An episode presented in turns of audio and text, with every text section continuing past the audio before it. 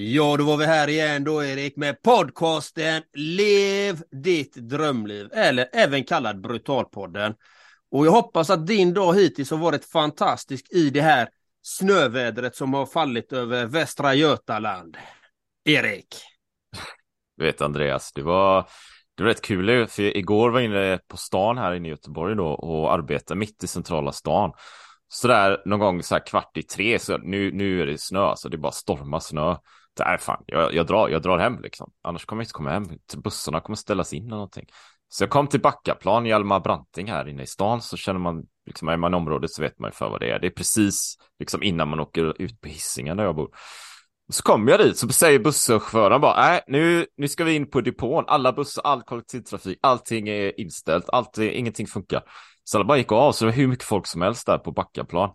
Och så alla bussar, alla sådana här skyltar och elektroniska tavlor stod bara inställt, inställt, inställt. Jaha, eh, klockan är så här halv fyra någonting. Vad ska jag göra då? Tänkte jag liksom. Ska jag gå hem? jag har så här kavaj och skit liksom. Det är inte så att jag löpar kläderna. Men så efter så, äh, men fan, jag tror jag springer hem liksom. Så jag sprang hem igår med, med kavaj och jacka och lågskor i snön. en mil. Så jag gick väl en bit då. Men eh, det var kaos igår, så apropå det då. Men jag fick ju min eh, hike. Fick min träning. Det var nice. Det är ja, som man ska vara nice. kreativ. Ja, står där du vet, så läste en tidning eller kollar så här sent på kvällen vid sju någonting. Det var ju fortfarande kaos liksom, så de har ju varit kvar där.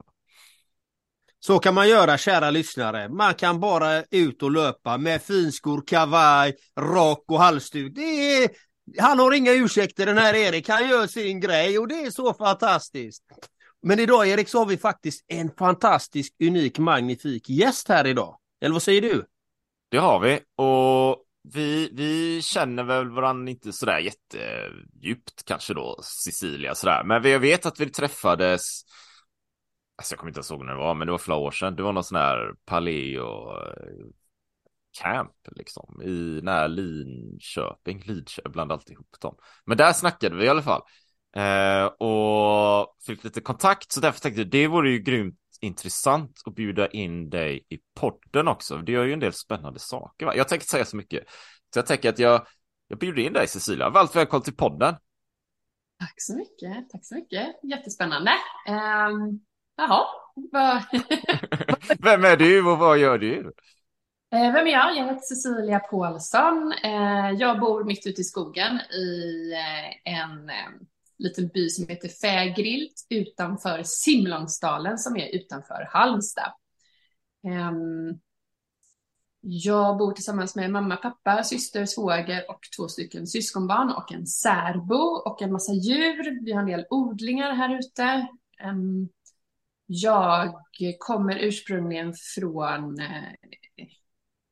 vad ska man säga, jag, jag jobbade för i, eh, inom läkemedelsindustrin.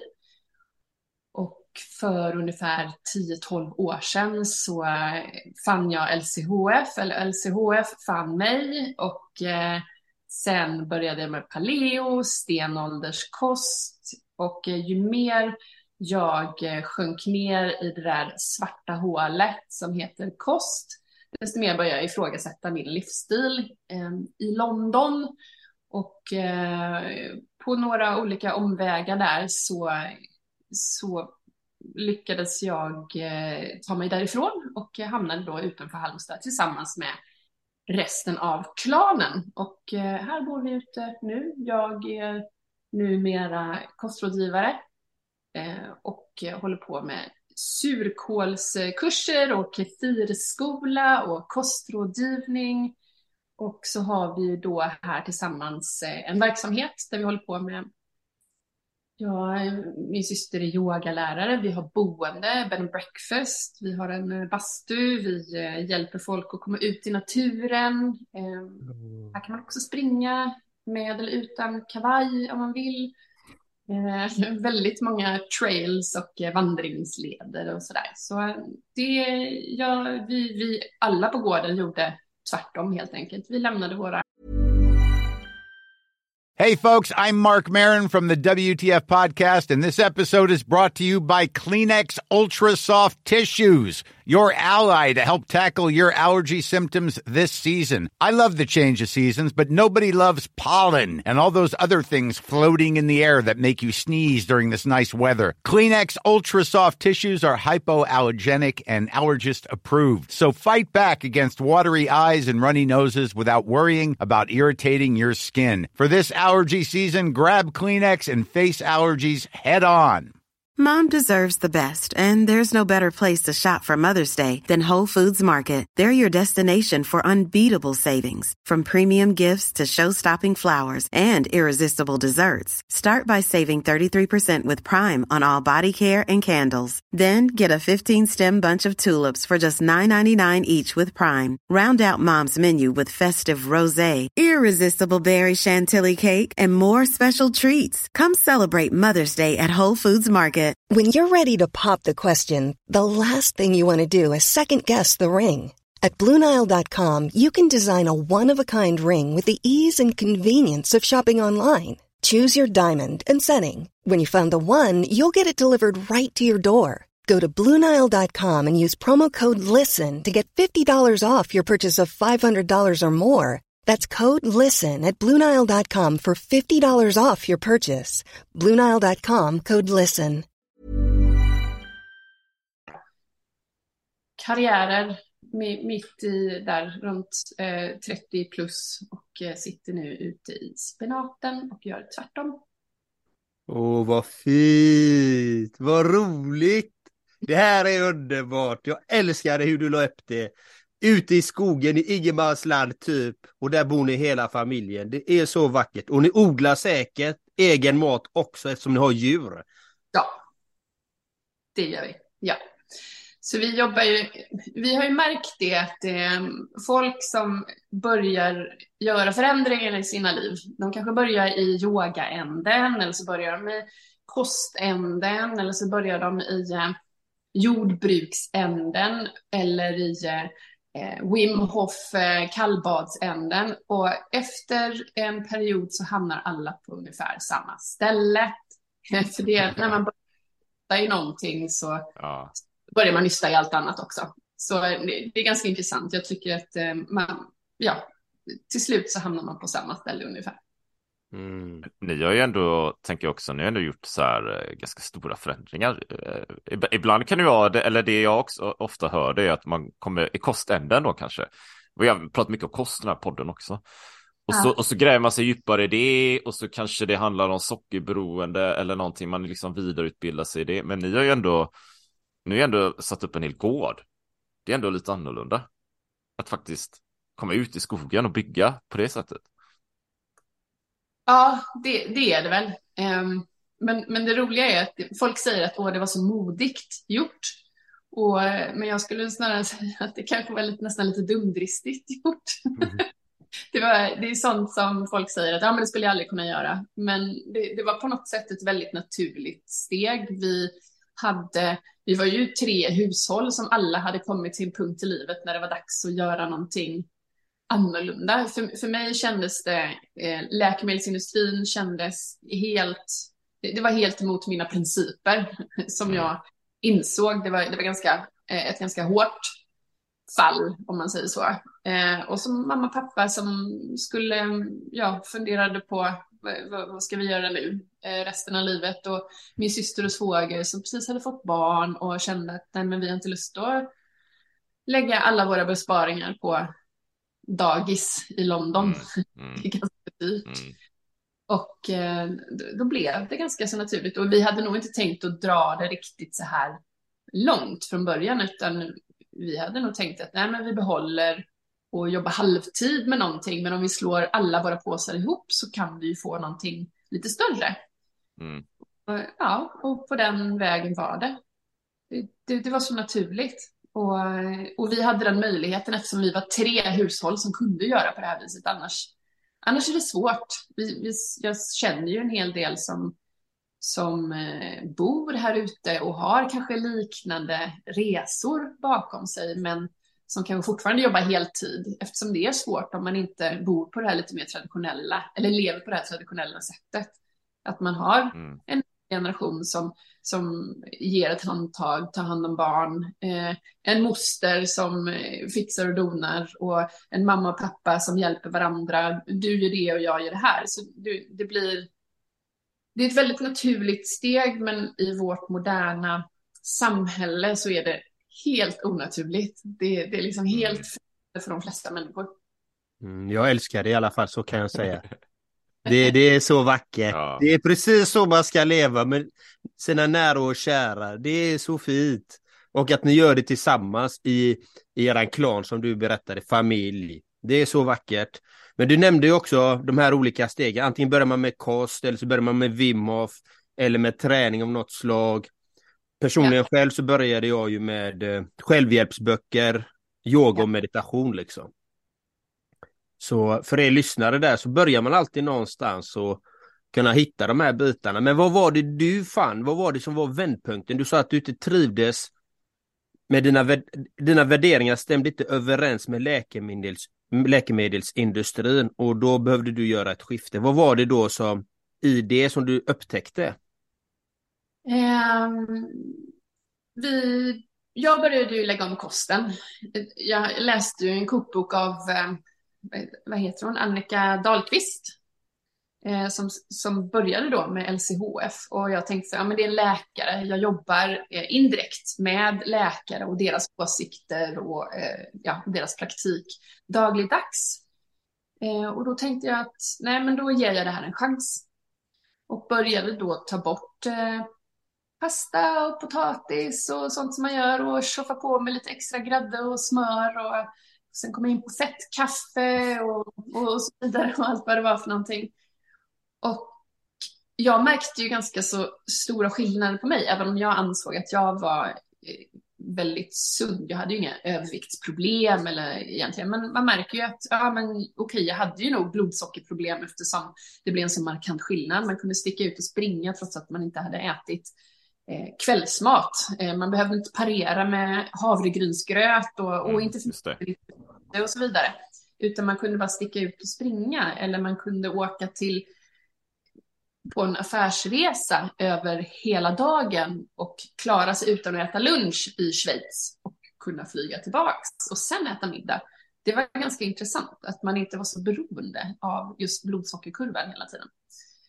Ehm, så när, när det gick upp för mig så började jag luska mer. Och ju mer man läser, desto mer kommer man in på, jaha, vi kanske ska tänka på förebyggande arbete när det gäller våra kroppar och våra, vårt hälsotillstånd istället för att eh, trycka på ett plåster eller tejpa över varningslampan. Eller, jag jobbade ju väldigt mycket med autoimmuna sjukdomar, med eh, en del cancerpreparat, eh, vad det nu kan vara för någonting. Och, och många av de här sjukdomarna, de flesta av dem är ju ganska så moderna. Mm. Och, och ligger, sen kanske kosten inte är allt, det är det ju inte. Ju mer man jobbar med det, desto mer inser man att ja, men det, det är ju inte allt. Ja. Det mentala och så vidare. Men det är ju en så stor pusselbit. Och när man då dagligdags ignorerar den stora pusselbiten, när det inte ens går att diskutera varför man har en skenande diabetes typ 2-epidemi, äh, mm.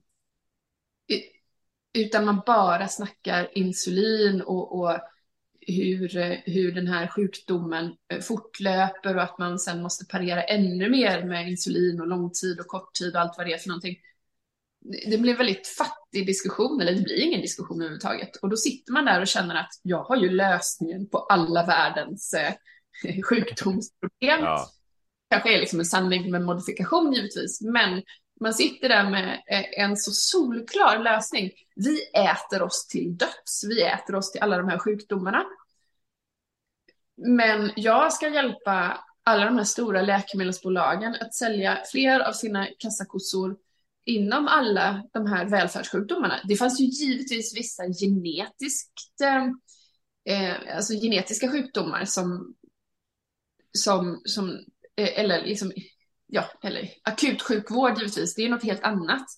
Men de allra, allra, allra flesta av de här projekten som jag jobbade med och där, där, där de här för, företagen fick in alla sina pengar, det var ju välfärdssjukdomar. Det var ju sjukdomar, och även om man inte tror det, Även om man säger att ja, men schizofreni är ingen välfärdssjukdom eller, eller depression är ingen välfärdssjukdom. Jo.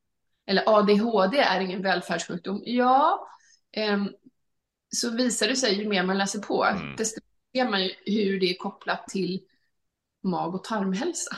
Att allting, det är ju som de gamla grekerna sa, de, de visste ju också att om du, inte, om du inte mår bra här i mitten så mår du inte bra någon annanstans mm. heller. Mm. Allt. Och sen har ju liksom givetvis stress och mental inställning och, och allt det, det påverkar ju också. Men allting går ju tillbaks till tarmen. Det, det är mm. det som är sant. Och där kom brytpunkten, där någonstans när jag satt och googlade varenda gång jag fick in en förfrågan om en offert på ännu ett projekt som hade just med välfärdssjukdom att göra. Där satt jag och googlade. Hur påverkar kosten tillståndet? Och det blir ju inte ja. hållbart. För att man satt där och kände att man nästan Ja, man kompromissade med alla sina värderingar till slut. Och vad, vad skulle du säga skillnaden är? Eh, vad är det som händer med dig som människa när du kompromissar med dina värderingar? Vad händer med dig då? Eh, jag fick ont. ja. Jag fick eh, sådana kroppssmärtor. Och mm. jag gick till sjukgymnaster, jag gick till osteopater, alla klämde på mig och så satt man där och bölade för att åh, man var så stressad och så vidare. Ja, och, och, de var ju säkert redan inne på det här spåret som vi är inne på nu, det här lite alternativa foliehatt. Eh, ja. och de såg ju säkert att, men lilla vän, du kanske inte ska vara här, du passar inte in här. Men medan jag kämpade på och försökte då, ja men jag försökte palla upp hela min kropp på massa kuddar, kunde inte sova ordentligt på ett halvår för att jag hade så ont överallt. Och sen, du, hade, sen... du hade fysiskt ont liksom? Du hade ont hade... i rygg och knän och allt vad det kan vara? Det, det gjorde ont ah, så här? All stressen satte sig i axlarna. Axlarna? I, ja, den ena axeln. Det var ju liksom, men man kan ju inte hitta något fel om det är en själslig smärta som sätter sig i kroppen. Ja, jag visste. Men vilken, vilken ja. axel fick du ont i? Ja, jag kommer faktiskt inte ihåg. Eh, jag, jag tror att det var den högra. Jag tror det. Men jag, som sagt, det, det, det, är precis som att den... Sen, sen gick jag ju till... Eh, när man är desperat så är man desperat. Och då fick jag höra talas om en healer. En eh, gubbe som bodde i, eh, någonstans i Halmstad i, ett, i en trappuppgång. Och, han bodde i trappuppgången? Ja. Han i trappuppgången. Han bodde i någon lägenhet där. Och så, och så gick jag dit och så körde han handpåläggning och han pratade om änglar och allt vad det var för någonting. Och jag bara, ja, ja.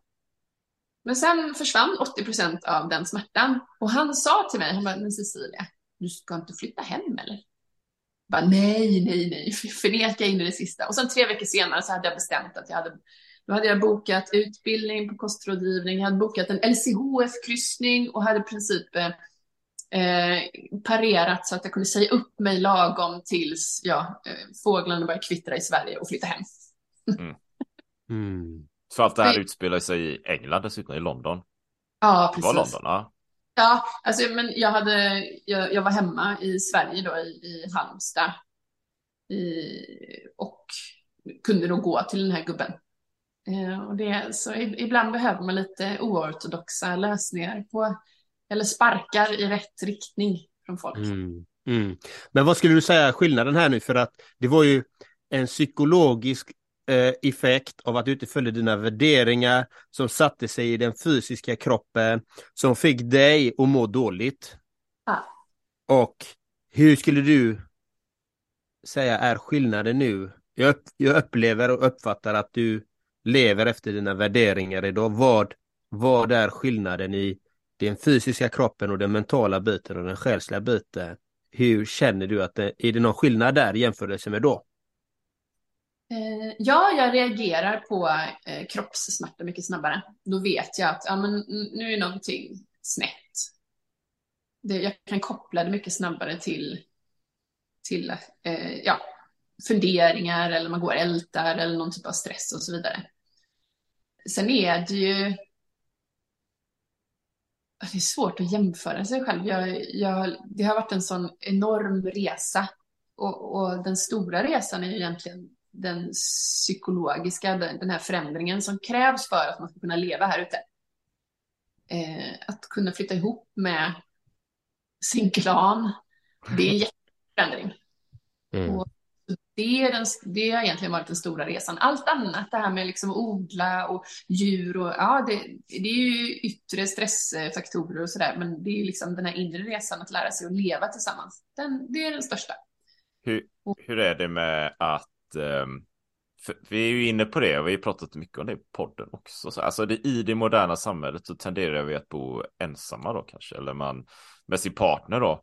Kanske mm. någon eh, höghuslänga någonstans. Och sen bor föräldrarna på något helt annat ställe. Och, och bror kanske då, eller systern bor i någon annan stad. Alltså man, man är utspridd på ett annat sätt. Men ja. ni bor ju, ni bor ju i, i klanen. Tillsammans allihop. Hur, berätta lite om det. Ja, och, och sen bor vi, bor, dels har vi den lilla eh, bubblan och sen har vi nätverket runt omkring oss. Utan det så hade vi inte klarat oss här ute.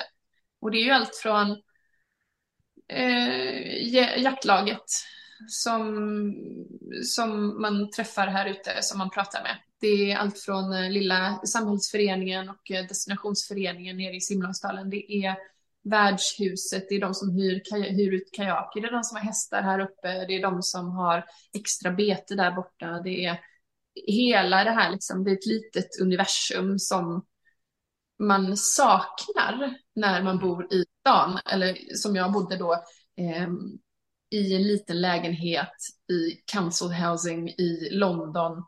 Eh, mamma, pappa långt bort. Syster och svåger, eh, kanske 30 minuter med cykel, eller med, eh, 45 minuter med eh, promenad bort med, och vänner runt omkring, men ändå liksom ganska löskopplat. Ehm, så det är ju den stora skillnaden.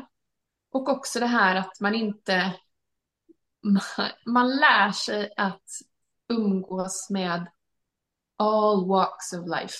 Alltså mm. alla typer av människor. För att du har inte dina bästisar och bundisar från eh, universitetstiden som alla är i samma ålder, alla ungefär samma inkomst, eh, bracket, eh, alla ungefär liknande bakgrund, samma referensramar. Nej, nej, nej, nej, nej. Du har helt andra personligheter som du umgås med här ute, som du måste lära dig. Och, och som efter ett tag så, att, åh vad roligt, jag stötte på han eh, Einar, 65, här ute i skogen och stod och pratade i 20 minuter om hur han då liksom sjunker ner i myllan när han, eh, när han inte väntar på frosten för att ta in liksom, eh, eh, ja, för att köra ut och avverka skogen och så vidare. Du lär dig saker som du aldrig hade lärt dig annars och du lär dig uppskatta det, för annars klarar du inte det här ute. Mm. Och det är någonting som jag känner som går förlorat när man, eller har gått förlorat, när vi lever i sådana små minibubblor helt löskopplade från ett sammanhang i, i stan. Om man inte skaffar sig det. Alltså jag tycker det låter helt magiskt. Det kan jag känna. Alltså jag känner ju folk. Eh, Kommer ihåg när, när jag studerade mycket på universitet och så här. Och nu känner ju folk eh, i många delar av världen liksom. Men, och det är kul. Men jag är ju inte i många delar av världen. Jag är ju här. Så det är ju väldigt utspritt allting. Det känns som det saknas den här. Eh, jag vet inte. Jag gillar klanen. Att, att bara ha. Tribe brukar jag säga. Men klan är ju bra. På ja. svenska då. Så man känner så här samhörigheten liksom. Och att det går över generationer också. Ja. Att man är nära sina, sina föräldrar då. Och syskon och så vidare. Man bor tillsammans. Ja. Men kommer ni, kommer ni förresten in kom, är, är det så här att i klanen då, att har, har de andra också liksom eh, upptäckt eller kommit in eh, via kosten så här? Eller, eller eh, lever ni väldigt olika på något vis? Eller har de också upptäckt de här grejerna och det är därför ni på något sätt har bondat och levt samman? Alltså, kosten blev ju en ganska så stor del av vår resa. För det var så vi kom in på att alltså, i London så kan man få tag på vad som helst. Mm. Det, man, man, kan eh, hitta en eh, uppfödare av eh, höns som går fritt och absolut inte får majs i fodret och bla bla bla och ingen soja och så vidare. Du mm. kan hitta alla de här nischade matvarorna som kan vara svåra att få tag på till och med här ute eller en, en mindre stad eller en by eller sådär.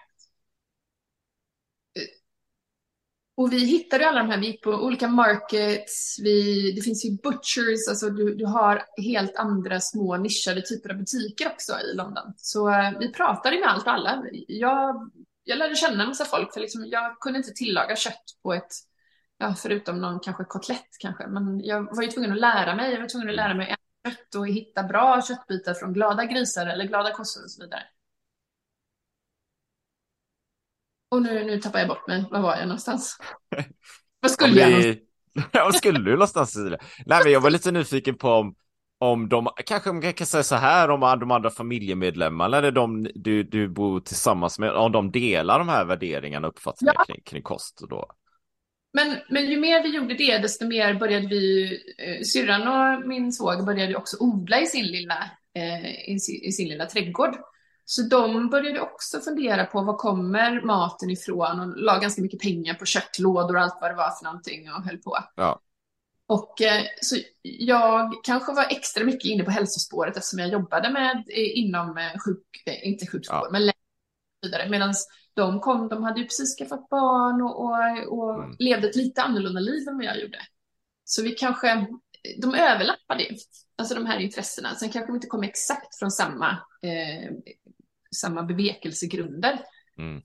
Eh, men till slut blev det ju nästan ohållbart för att vi började, vi la ju väldigt mycket tid, pengar och energi på att leta upp alla de här grejerna som då var ja. mer som kom från jordar som man, man skötte om och, och, så vidare och glada grisar och bla bla bla.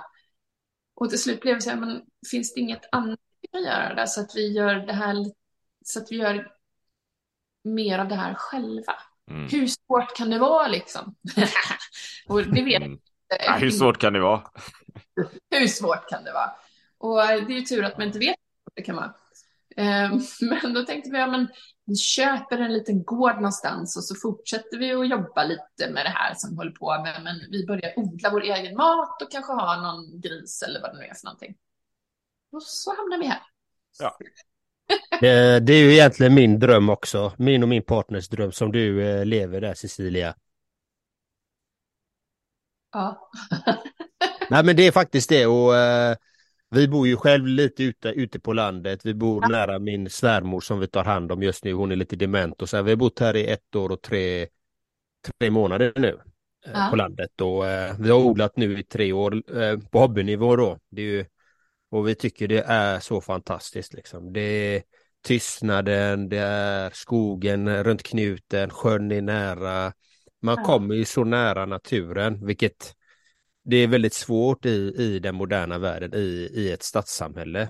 Där det är, de, man stänger in sig i de här olika bunkrarna liksom eh, av mm. cement, tegel, eh, stål, stål, stålkarosser och allt möjligt. Så att man tappar ju den här närheten till naturen och till sig själv på något sätt. Det är lite svårare där för det är så mycket som drar i en. Mm. Och eh, jag tänker, vi pratade lite om det psykologiska, hur det påverkar oss eftersom du behöver, du, du lär ju ha märkt en otrolig skillnad när du öppnar upp som människa eftersom man vet ju inte hur svårt det är att ta de där stegen men när man väl gör det då får man ju lösa allt annat runt omkring, precis som du. Okej, okay, men hur får jag en glad gris? Hur ska jag vända på jorden? Hur ska jag hitta rätt saker? Hur tänker du kring det genom att våga ta de där stegen? Mm, jag vet inte riktigt om jag förstår din fråga, om du kan omformulera den. Absolut, det älskar jag att göra. Nej, men till exempel, det, det kanske är många människor där ute, speciellt lyssnarna, som de vill någonting, men de vet inte hur. Ja, okej. Okay. Jo, det var så himla fantastiskt när jag fortfarande bodde i London och hade bestämt mig att nu, nu släpper jag. Nu släpper jag. Eh, och jag hade i princip bokat resan hem. Jag hade satt ett datum när jag skulle säga upp mig eh, och hade börjat ja, boka kurser och så vidare och förbereda mig. Och så läste jag någonstans, eller kanske såg någon, no någonting någonstans där det var en kvinna som sa att eh, du måste dela med dig av dina idéer och, och, och planer och eh, eh, drömmar. För ju mer du delar med dig, desto mer får du tillbaka. Och det tyckte jag var så intressant för att vi hade ju då kommit, eh, jag hade börjat blogga, vi hade, eh, ja, vi hade då börjat snacka sinsemellan hur vi skulle göra. Och, och, och då, då tog jag fasta på det och började dela med mig. Och då fick jag så otroligt mycket tillbaka för att det var folk bara, ja men ska ni köpa gård, vad spännande. Jaha, ska du lära dig om det? Och då fick jag så himla mycket tips på, ja men jag tycker att du borde praktisera på en ekogård någonstans i Sverige. Jaha, och då gjorde jag det. Eh, ja, men du borde prata med den här personen, eller du borde läsa den här boken. Och folk var liksom, de gav så mycket av sig själva. Mm, så vackert. Det, det, var så himla fint för att då fick jag ännu mer push. Att ja, men självklart, det här är ju rätt spår. Och då han, det var precis som att då hann man liksom inte tveka, utan då fick man, då, då hjälpte universum till att liksom trycka en åt rätt håll. Det, och då hade jag ju kanske två, tre månader i London där jag kunde, där all stressen släppte, där jag kunde posta lite på jobbet, jag hade sagt upp mig, jag kunde liksom lämna över grejer, jag kunde hänga på den där vinbaren som var nyöppnad och folk, jag träffade en massa intressanta människor och vi kunde sitta och prata om alla de här grejerna. Och, och det är mitt tips till alla som känner att ah, men nu har jag fastnat någonstans. Och, och det är ju börja, börja prata med folk. Gå till, om man till exempel Have catch yourself eating the same flavorless dinner three days in a row? Dreaming of something better? Well, hello fresh is your guilt free dream come true baby. It's me, Gigi Palmer. Let's wake up those taste buds with hot, juicy pecan crusted chicken or garlic butter shrimp scampi. Mm. Hello Fresh. Stop dreaming of all the delicious possibilities and dig in at HelloFresh.com. Let's get this dinner party started. Here's a cool fact a crocodile can't stick out its tongue. Another cool fact you can get short term health insurance for a month or just under a year in some states. United Healthcare short term insurance plans are designed for people who are between jobs, coming off their parents' plan, or turning a side hustle into a full time gig.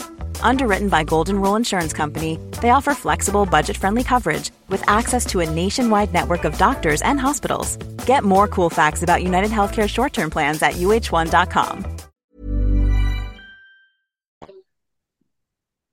För man får så mycket tillbaka. Om, om du tycker någonting är intressant, det här med regenerativt jordbruk till exempel, ja men gå till rekoringen och snacka med den där gänglige bonden i, i eh, gummistövlar som säljer eh, ekologiska eh, utesprätt eh, ägg. Liksom. Prata med den personen. Du vet aldrig vad du får för information. Gå med ett öppet sinne.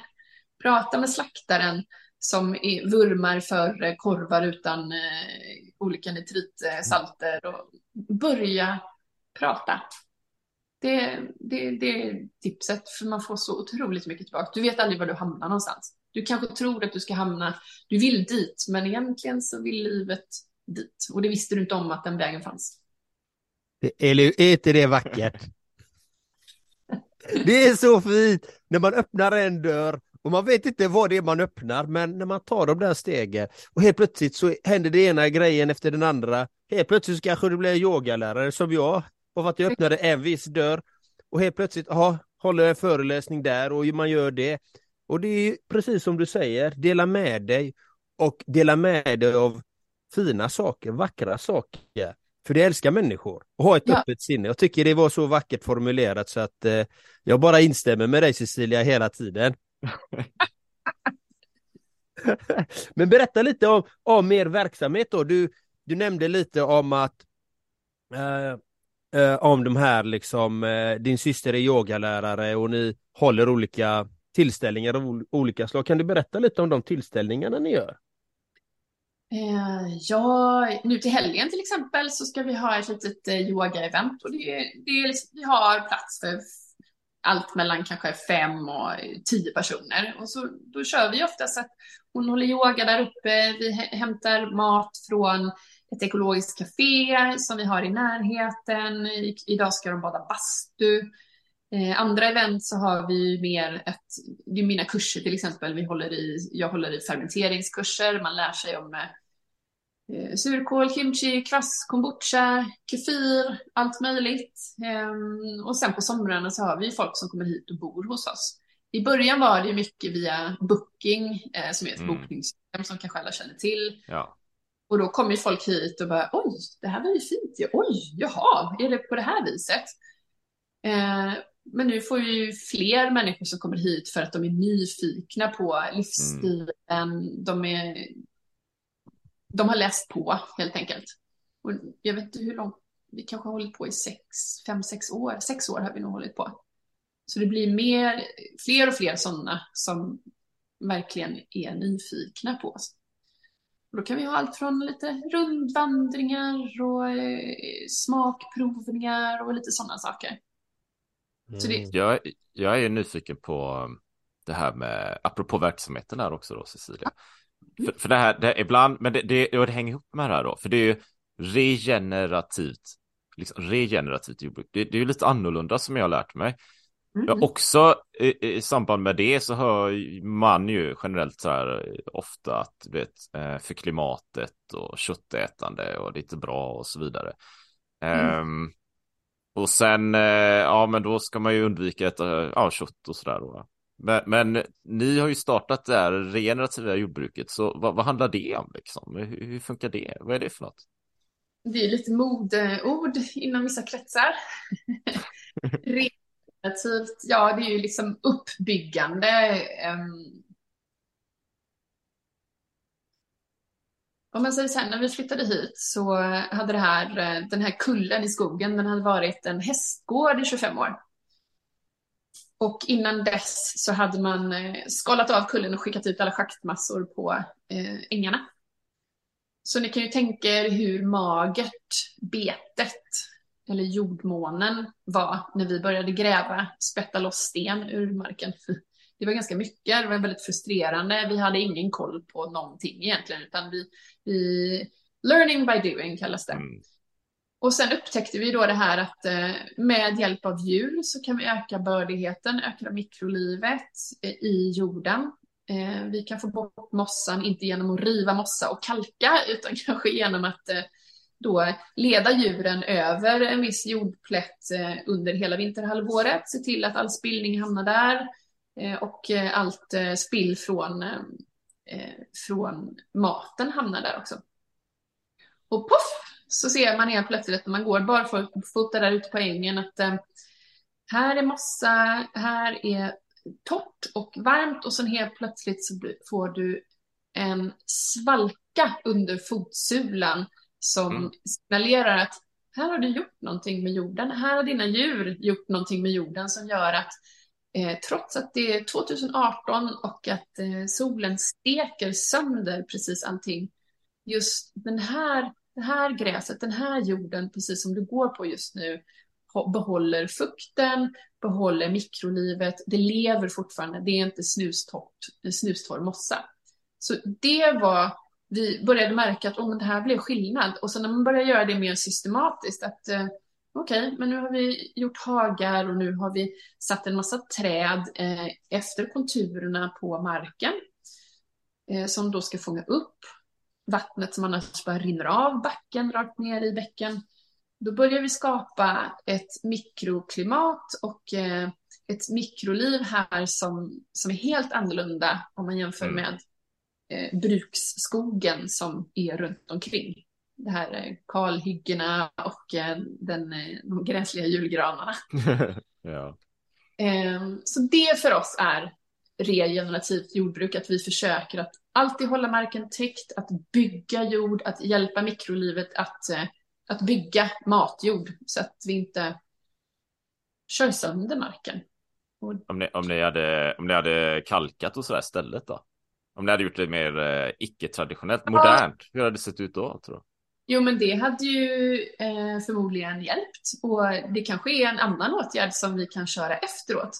Men det ska ju inte vara första åtgärden att eh, hämta någonting utifrån som inte är eh, som kanske kommer av sig självt. Sen får vi, det, det är lite som när man håller på med eh, hälsa, att det första man det är inte det första man ska göra det är att, tänka på vilket läkemedel kan jag ta som, som trycker ner Nej. de här symptomen jag har, utan vi börjar käka någonting som, som passar våra kroppar, våra urs, uråldriga kroppar. istället för att börja i andra änden. Så det är exakt samma princip när det gäller marken. Att okej, okay, nu har vi förstört det här. Alltså kanske inte vi personligen, kanske inte ens de som bodde här innan, utan vi människor har förstört den här jorden.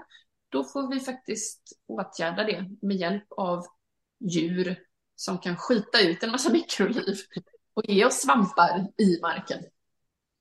Mm. Hur, är, inte det, är inte det vackert liksom? Jag använder ordet vackert för jag tycker det är så vackert. Men, men som, som exempel här då hos mig då. Eh, vi har ju hållit på här i tre år liksom med, med min partner. Hon, hon älskar ju blommor. Hon älskar, hon älskar odla grönkål, palmkål, svartkål, pumpor och ja. eh, allt möjligt. Vi testar allt möjligt. Potatis, you name it. Vi testar. Men det som är så vackert är ju att det blir som du säger ett mikro mikroklimat eller mikro Alltså det blir ett mikro, ja, mikroklimat kan man säga, för det kommer så mycket nya djur, insekter, fjärilar, larver som jag aldrig har sett förut, som inte har varit här innan, bara för att vi har börjat göra en mångfald. Precis. Vad märker ja. du för skillnad i ert jordbruk eller där ni lever nu när ni har varit där i sex år ungefär? Och gjort den här stora förändringen på, på ert ekosystem där. Vad märker du för skillnad när det gäller mångfalden? Svårt att säga. Faktiskt, det, är, det är precis som att man, man är så glömsk. Man, man har gjort en förändring och så man, tänker man inte ens på hur det såg ut för fem, sex, sju, åtta år sedan. Det är jättesvårt att säga. Sen, sen har vi ju lite en annan attityd också numera. Och, och, och det, det, den går ju igen i allt man gör egentligen. Man tänker, okej, okay, om vi nu ska tvinga jorden att göra på ett visst sätt, vi ska tvinga bort larverna eller fjärilarna, vi ska, tvi, vi, vi, vi ska liksom med olika medel och, och, och, och kämpa. Men så funkar det ju inte, utan ibland måste man ta några steg tillbaka och inse att okej, okay, naturen försöker säga dig någonting. Nu är det väldigt mycket larver i den bädden. Okej, okay. vad, vad, är det vi har gjort för fel? Eller snarare, var någonstans i processen är vi? Um, kan vi vänta oss att nästa år så kommer det inte alls se ut på det viset för att vi har gett jorden och alla dess mikroorganismer andra förutsättningar? Eh, det, det är lite som det här med att okej, okay, nu har vi misslyckats med den här grödan två år på raken. Ska vi ge upp nu? Eller är det så att jorden, matjorden som vi håller på att hjälpa till att bygga, den kanske behöver lite mer tid på sig. Det kanske var så att eh, bara för att vi läste det i någon bok så betyder inte det att det går att applicera på just vår plats på planeten. Ehm, eller att den behöver lite andra förutsättningar och att vi kanske måste ha tålamod och vänta lite till. När vi liksom hittar myrbon överallt, jaha okej, då kanske vi inte ska gå och hugga sönder de myrborna bara för att, eller sätta ut sådana här myr, antimyr, vad det nu heter för någonting. Det är roligt att du nämner myrorna, för just nu har det börjat krypa in myror här i, i källaren. Och jag bara, okej, okay. eh, för jag vet att vi har mycket myrbon här liksom, och nu börjar de vakna, det är, det är hur mycket snö som helst. Och så, precis nu så kröp det en myra upp här, bara okej, okay, nu måste jag hitta, var kommer de in någonstans? Och, och det har jag märkt, kanel är väldigt bra att sprida ut. Exakt, exakt. Ja, så det finns, det, det, är bara det att eh, vi kanske, vi moderna människor är vana vid att kunna påverka, kontrollera, trycka fram en förändring. Medan man här ute kanske måste ta ett steg tillbaka och tänka, okej, okay, men vad, vad, vad ger jag vad ger jag de här odlingarna för förutsättningar? Finns det något mer jag kan göra utan att försöka liksom ta en spade i huvudet på problemet och slå ihjäl det. Vad, vad finns det för någonting? Och, och, det är inte lätt. För att du kanske inte sitter på lösningen. Nej. Du kanske väntar lite till innan du hittar lösningen. Och så, så finns det tillbaka då. Ja, sådana här gurus som kan liksom, oh, man läser på grönkålsbladen, vad är det för brister och sådär. Ja, så långt kanske vi inte har kommit. Men, men det finns någonting där att, ja, vad finns det mer vi kan göra? Vad mer kan vi ge den här jordplätten för någonting för att, de ska, för att de, det här mikrolivet ska lösa problemet själv. Mm. Men det, det, det, löser sig oftast med tiden. Det, det är till exempel för att det är ju oftast vi människor som har gjort någonting i mångfalden. Till exempel, ja. vi säger, som här då, här jag bor, är det ju så otroligt mycket hjortjordar här. Ja. Och, och eh, de hade släppt ut eh, en inhägnad med hjortar en gång i tiden för många, många år sedan. Och de ja. sprider sig hur mycket som helst. Men hade inte, hade inte, alltså hade inte jägarna skjutit av dem så hade det till slut blivit så många jordar med hjortar. Då hade du, då hade det kommit ganska logiskt sett så hade det kommit varg och björn hit. Ja.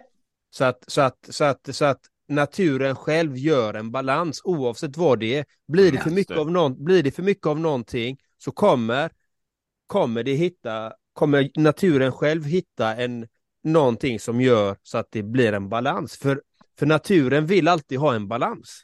Ja. ja. Och, och det är ju samma just inom hälsa, när man tänker på våra egna kroppar, att det är obalanser. Att vi, vi vågar inte riktigt stanna upp och lyssna. Vad är det kroppen vill säga? Den, den har ju sin egen logik. Mm. Eller det läser på väldigt mycket och jobbar med GAPS som är Gut and Psychology Syndrome eller Gut and Physiology Syndrome. Och där, som handlar väldigt mycket om att läka tarmen. Och där tycker jag det är väldigt intressant när hon, den här läkaren, pratar om parasiter att eh, parasiter är ju en städpatrull.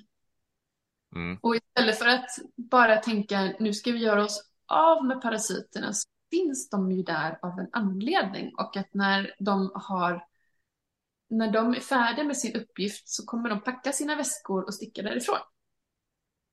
Och, och det tycker jag är jättefint.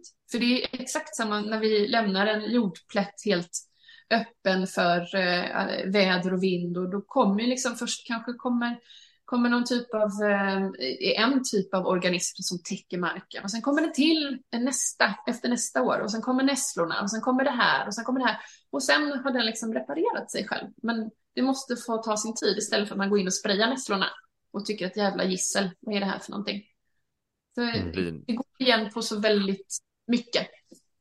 Känner ni att ni, jag tänker på din kommentar där Andreas också, liksom med björn och varg. Spontant så, nu vet ju inte jag, folk kanske har något emot det, men att det skulle vara mer rikedom i naturen om de faktiskt fanns där. Mm. Det tycker sen, jag. Eh, ja, eller det, det, kan man tänka sig. Och sen tänker jag också Cecilia, jag, jag är ju, jag är väl, jag är ju mer av en stadskille, men jag gillar ju naturen. Det är ju därför jag är ute i naturen och springer och trailrun och allt sånt här. Så, mm. så det är mitt sätt att på något sätt komma ut. Och jag, jag när också en, en dröm om att en vacker dag Kanske, kanske inte något en sån stuga sådär i, eller en gård, men att kunna kanske införskaffa mark och så här rewilding så att det verkligen eh, ökar den biologiska mångfalden så här. Med björn och varg och liknande. Låta naturen bara vara naturen och vi ska göra så lite som möjligt. Liksom, människan kan stå vid sidan av och så får vi låta det styra sig själva. Och, och sen tänker jag så här också då Cecilia, känner, upplever du att du, du har blivit så här bra på att läsa av naturen? För om, om man kommer från stan, så in i skogen, kanske man bara ser så här granar, typ. Man, man, man vet ju inte vad det är va, men, men in i stan då kan man liksom så här läsa av olika trafikljus. Man är så van vid, vid betong va.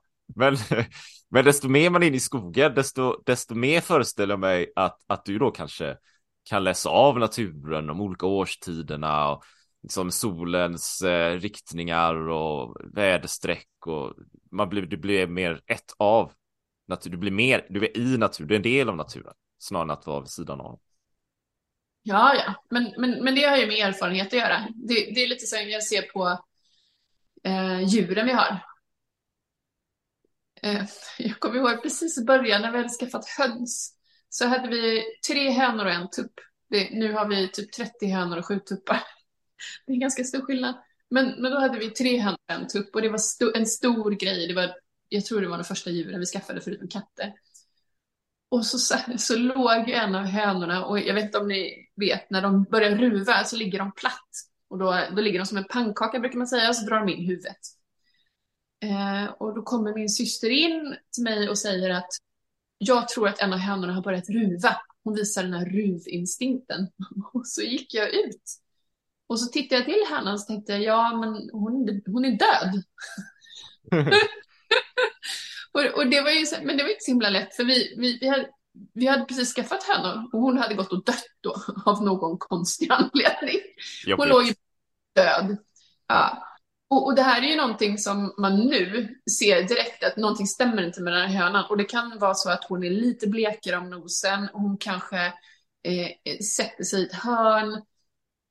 Eh, och hon ser lite allmänt hängig ut. Men det kan ju inte du se som stadsmänniska. För att du mm. har inte den erfarenheten. Du har inte följt en hönas livscykel. Eller, du vet ju inte. Eller och, och min systerdotter, hon har ännu skarpare ögon för sånt. Hon säger, ah, men den här, den och den, jag tror inte hon mår så bra, hennes kräva är väldigt stor. Också sånt, men det är ju för att hon sitter och tittar på de här hönorna och så går hon runt med dem och kramar dem och hon har namn på dem och så vidare. Och så, så då har ju ännu skarpare eh, syn vad gäller hönor. Och det, och det gäller ju allt som du jobbar med dagligdags. Du, du, får ju en, du bygger upp en erfarenhetsbank att Eh, även om du inte har läst på så mycket om får, när du har sett hela livscykeln så kommer du börja se att hon beter sig lite underligt. Vad kan det vara för någonting? Vi håller koll på henne. Och, och mm. det, det, får du bara genom att vara ute.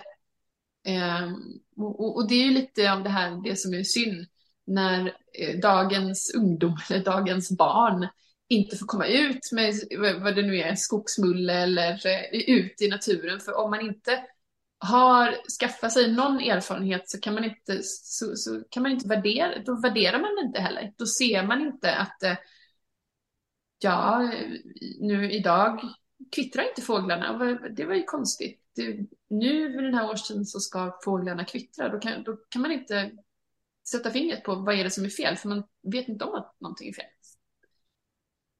Nej, mm. precis. Mm. Det, det, är så mycket jag tänker också med, i det. Jag, jag gillar ju äventyr och träning och trailrunning och det med det liksom extrema, byter många timmar så här. Och, och, och, där också lite, jag vill ju gärna i det jag gör, också på sociala medier så här, inspirera och motivera så här. För att andra kanske då ska bli lite peppa. Men den här snubben, han som är i förrgår här, jag sprang, eh, det var massa snö, sprang i shorts bara, bara överkropp en bil liksom. Jag tänkte det piggnar jag till så här. Uh, jag såg inte en annan människa som gjorde det här då, men, men då tänkte jag, men då lägger jag ut det och så kanske folk blir lite pepp så här och går ut och gör liknande grejer, bara komma ut. Det, ja, då lär man ju känna naturen, då, och lär man känna naturen, då tar man ju rimligtvis också hand om naturen. Ja. Så. Ja. Vad, vad, vi har pratat mycket om kost, jag, jag tänker jag hoppar in på kostspåret här lite snabbt. Vad äter du själv nu? Du pratar om LCHF, du pratar om paleo. Vad äter du i, i dagsläget? I dagsläget är det väl en eh, modifierad eh, paleo, men väldigt lokal och eh, säsongsbetonad. Eh, vi kommer fram till efter ett tag, när man bor här ute och man tycker att liksom, man ska försöka, försöka äta enligt säsong, det ska vara lokalt och det ska vara kött från gräsbetande djur och så vidare. Och så märker man att eh, en viss kosthållning eh, pratar mycket om det är sötpotatis som gärna kommer från Egypten eller USA. Det är nötter och fröer som vi kanske har svårt att smälta. Man tar bort eh, mejerier till förmån av kokos. Sist jag kollade så har vi inga kokospalmer i Sverige. Och för att vi ska få i oss kokos så är det oftast eh, högprocessat i tetrapack till exempel. Och ju mer man börjar fundera i de banorna, desto, desto mer skaver det att kanske äta just den här renläriga stenålderskosten. Mm. Men principen är ju fortfarande detsamma. Ehm, så, så, vi har väl hamnat lite mer åt GAPS-hållet som jag nämnde innan. Ehm, och så kött, grönsaker, en del frukt, så lokalt som möjligt, så, så, ehm, så i säsong som möjligt. Väldigt mycket fermenterade grönsaker. Och det har ju också med självhushållning att göra, att man äter någonting som är, som har gjorts hållbart med väldigt naturliga, enkla metoder. Det är mikroorganismerna som, mm. som gör hela jobbet åt dig och sen håller det hur länge som helst. Du behöver inte ens ett kylskåp till det.